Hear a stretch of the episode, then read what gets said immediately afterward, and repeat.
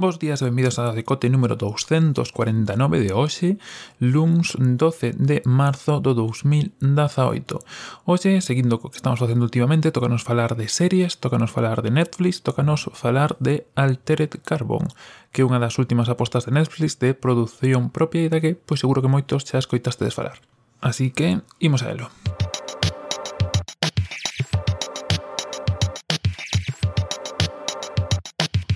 Pois, por aquí seguimos, como sempre, un día máis, que non ten que ser consecutivo, para falar nesta ocasión de, como vos dicía na introducción, Altered Carbon, que é unha serie de Netflix, feita por Netflix, producida por Netflix, emitida en Netflix, que saiu, se non equivoco, pois xusto a mediados do mes pasado, y que, bueno, trae bastantes cosas detrás de sí, porque, como sempre, con todo que sai en Netflix, pois pues así hai moito rebumbio para moitas cousas. Primeiro de todo, para que os, para que os aibades, por si vos soa, esta serie é unha adaptación dunha novela de Richard K. Morgan eh, que xa pois anda por aí rulando e como tal colle parte desta novela, quero dicir, as novelas siguen para diante, teñen máis contexto e máis vida, pero digamos que este, esta primeira tempada de Altered Carbon, que non sei pois a día de hoxe se haberá máis ou non, centrase nunha desas partes de, desa novela. Debo dicir que é bastante fiel a novela, e unha das primeiras queixas que había é que, bueno, como, como falábamos eh, o mes pasado de, do lavado racial que había para Ghost in the Shell, neste caso, resulta que tamén hai diferentes personaxes de diferentes etnias e diferentes pues, tipoloxías e pues a xente protestaba un pouco de que era lavado étnico, de que había lavado racial. Realmente a serie centrase bastante, ou faino tal cual está nos libros, así que por ese lado, sendo unha adaptación, non sei ata que punto se pode falar de lavado 1, porque, bueno, un fai ou en Netflix fixeron o, o que pon o libro e o libro vai así, así que pouco máis hai que dicir. Despois de eso, tamén hai moita xente que a compara con Blade Runner 2049 ou con Blade Runner. Bueno, eu creo que non é o mismo tipo de películas, o que pasa é que é un, unha serie centrada no futuro, centrada no século 25, e bueno, pois xa sabemos que aquí mezclamos todo en canto podemos, pero creo que isto pois, é bastante diferente, tanta forma en de centrarse como como ataca as cousas como pois é que é unha serie, non unha película e bueno, non ten os mesmos cartos como para poder facer moitas das cousas de que si que si salen na última de, de Blade Runner. De todas formas, pois eso, pode ser que visualmente se nos alleme un pouco, porque ao final, pois o futuro é o futuro, e como falábamos tamén en Ghost in the Shell, pois vanse collendo cousas de, de outras series, de outras películas, e vanse traspasando ou poñendo no que se vai facendo no futuro. E, bueno, supoño que aquí, nesta serie, pues, tamén pasa moito eso. De que vai esta serie? Bueno, pois esta serie céntrase na historia de Takeshi Kovacs, que está interpretado por Joel Kinnaman. Joel Kinnaman quizá vos soa, pois así do máis recente de Suicide Squad e o, o militar que os acompaña e o que está un pouco seu cargo. Ademais, pois tamos, temos en, en papeles principales a Martha Igaredo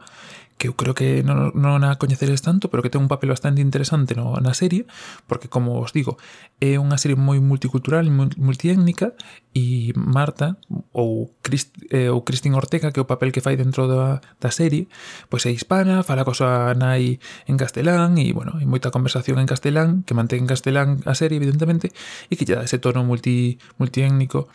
e multicultural que tamén pois nos recorda un pouco as civilizacións futuras nas que, bueno, todo vai estar aí remexido nas grandes cidades. E tamén podemos destacar a, a Chris Corner, Corner, Conner, perdón, que tamén fai un papel bastante destacado e bastante interesante que eu creo que dos que a xente máis quedou con el que o de Po. Pero bueno, eso, ese en concreto, mellor que descubrades vendo a serie, porque realmente, pues a mí gustoume bastante e, e bueno, hai que hai que fiar aí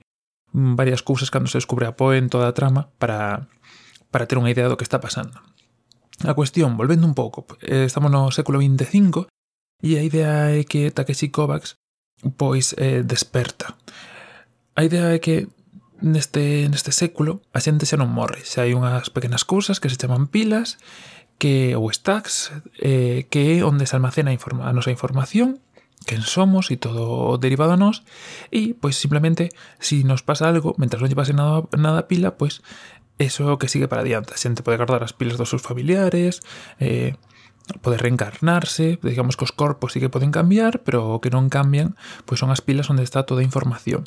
Evidentemente, pois, como os podedes imaginar, hai un mercado, hai os ricos poden facer máis cousas coas pilas, os pobres pois por, as teñenas porque están por lei, pero se non casi nin as terían. E iso evidentemente pois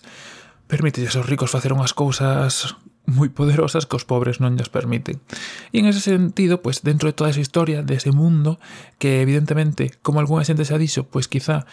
que quedas con ganas de saber máis del, en da que vese bastante representado, está Takeshi Kovacs, que volve despois de pasar, creo que son 300 anos eh, encerrado, que para eles 300 anos encerrado, pois simplemente desfanse do corpo, queda a pila en, en oscuridade de 300 anos, e logo, por, cousas que, que ahora non veñen ao caso,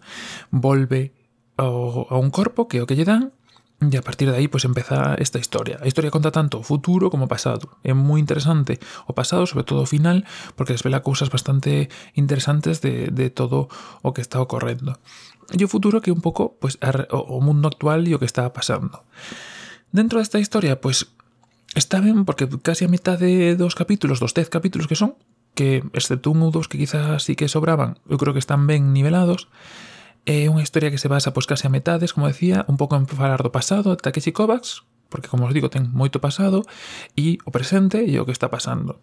Quizá ao principio costa un pouco arrancar, costa un pouco pois saber exactamente que está facendo, tamén a nós e situarnos, pero unha vez que arranca, pois xa digamos que, que vai bastante ben e cada vez queres saber máis cousas que é do importante.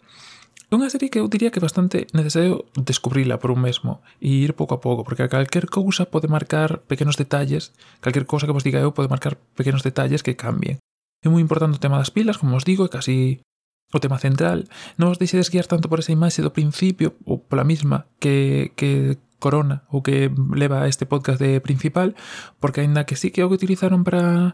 para, digamos, para espallar a serie, para dar a coñecer, eu creo que non é tan representativa como moitas outras. Hai outra por aí dunha mochila, que son a Ovestes, parece máis representativa, e esa sí que lle están dando bastante caña, sobre toda a xente que xa o viu.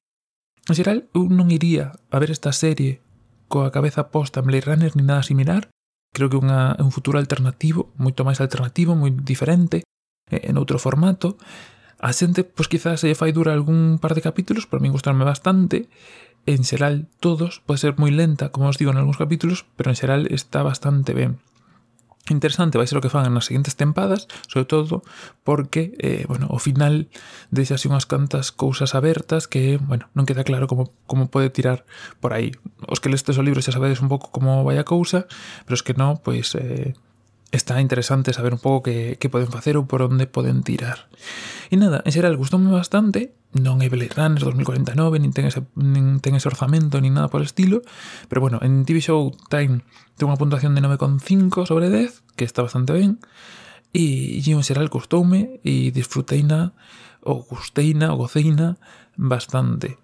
Así que, pues, dito eso, creo que, que é moi recomendable a quen queira que llevo un ollo, que ten en Netflix, así que pois poucas excusas pode haber para, para ver esta serie.